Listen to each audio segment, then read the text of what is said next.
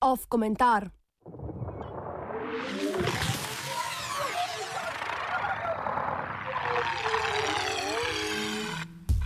Konec tedna bomo obeležili deset let od propada ameriške investicijske banke Lehman Brothers.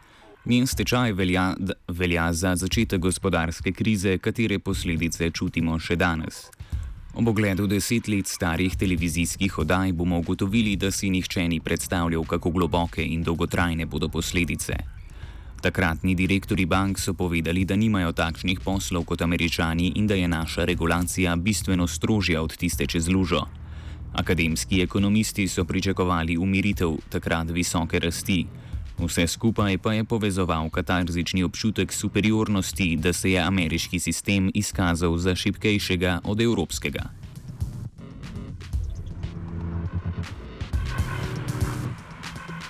Čeprav se zdi primerno, da se kislo nasmejemo, je vprašanje, zakaj je bil propad Lemana tak tektonski dogo dogodek in zakaj je finančna kriza povzročila tudi tako globoko recesijo, vse prej kot trivialno.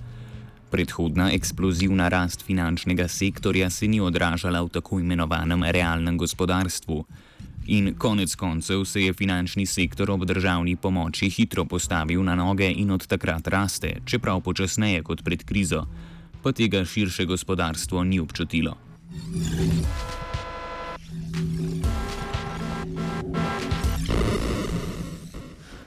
Del odgovora, ki se skriva v spregledanem delu zgodbe leta septembra leta 2008, je, je, da se je takrat zgodila sodobna različi, različica bančne panike oziroma navala na banke. V veliki gospodarski krizi 30 let in številnih kasnejših krizah tega ni bilo mogoče zgrešiti, saj se je na ulicah pred bankami vila dolga kolona ljudi, ki so poskušali dvigniti denar, preden bi bilo prepozno. Tu je seveda samo izpolnjujoče se pričakovanje, saj tudi zdrava profitabilna banka propade, če se velik del njenih deponentov odloči za dvig denarja. V naši finančni krizi smo kolone pred bankami videli samo dvakrat prvič eno leto pred propadom Lehmana, ko je propadla britanska banka Northern Rock in drugič ob enem od poznejših poglavij grške dolžniške krize, ko je Evropska centralna banka dala grški vladi ponudbo, ki je ni mogoče zavrniti. Oba primera nista imela skoraj nobenega odmeva zunaj posameznih bank.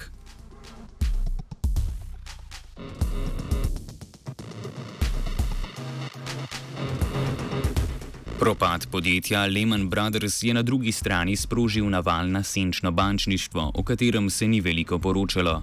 V prvi vrsti na tvegana kratkoročna medbančna posojila, ki so potekala preko finančnih mehanizmov imenovanih repo, ki so bili manj znani celo med ekonomisti.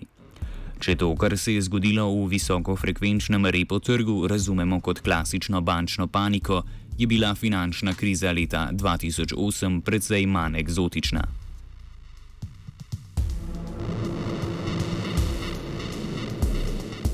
Izkazalo se je, da problem ni le preohlapna regulacija bank, ampak predvsem nastanek finančnega sektorja, ki deluje kot banke, izdaja digitalni vrednostni papir, ki deluje kot denar, a ni podvržen bančni regulaciji.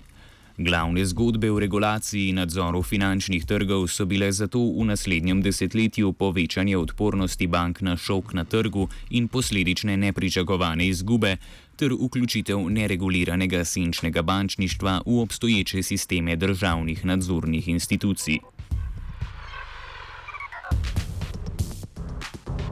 Glede na omenjene spremembe, ki so zahtevale veliko vložene energije, je precej presenetljivo pomankanje zaupanja, da se bomo lahko spopadli z naslednjo krizo. To mnenje preveva celotno deba debato o ekonomski prihodnosti.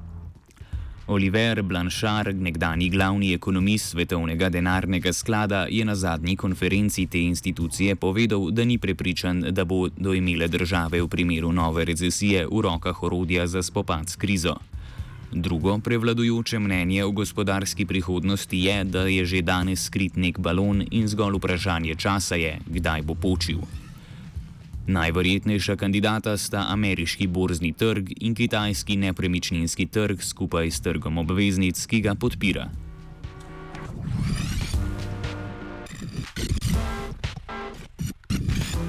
Napoved dogodkov je sicer čista špekulacija, a sprejetost črnogledih napovedi kaže na javno dojemanje trga, kar se je zgodilo v zadnjih desetih letih. In pri bankah se dejansko ni zgodilo kaj veliko. Ameriške banke so danes večje, kot so bile pred krizo, prav tako japonske. Nekoliko so se zmanjšale zgolj evropske banke. Te so izgubile pomembnost predvsem zunaj Evrope. A struktura ostaja enaka, kar seveda ni na ključje. Celotna strategija spopadanja s posledicami finančne krize temelji na osnovnem motivu, da se v sistem vrne v izboljšano razlici, različico prejšnjega stanja.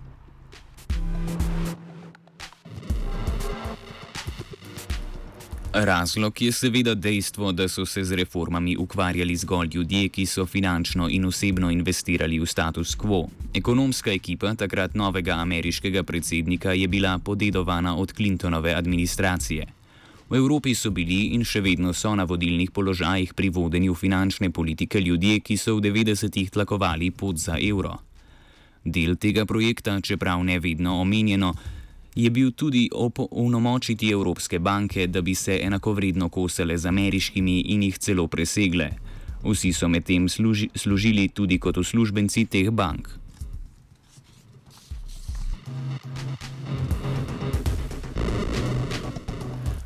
Bolj kot na veliko gospodarsko krizo, torej post-lemanovski duh časa spominja na leto 1918, ko so zmagovalci Prve svetovne vojne poskušali obnoviti predvojni kapitalizem 19. stoletja, še posebej zlati standard. To je bilo v prihodnjih letih z velikim odrekanjem tudi doseženo, a se je izkazalo za katastrofalno. Stara Jugoslavija je do zlatega standarda po precejšnjih mukah prilezla leta 1931. Po katastrofalnih odlivih kapitala ga je morala zapustiti dobrih šest mesecev kasneje. Eksperiment pa je pohabil državni proračun.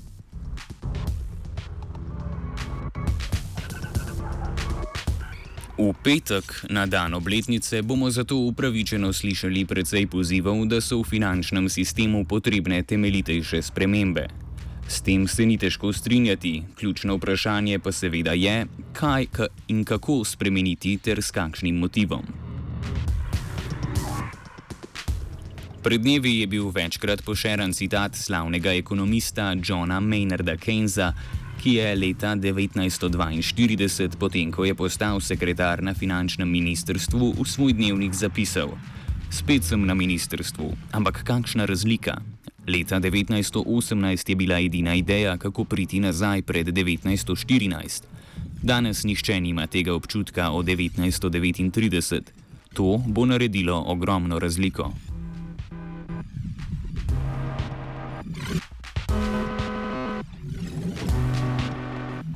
Za konec omenimo še, kaj se je zgodilo s podjetjem Lehman Brothers.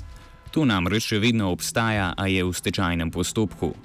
Poplačalo je 120 od 600 milijard dolarjev svojega dolga. Bil pa je gospodarski stimulus vsaj za en gospodarski sektor. Sodni stroški so namreč do sedaj presegli 2,5 milijarde dolarjev.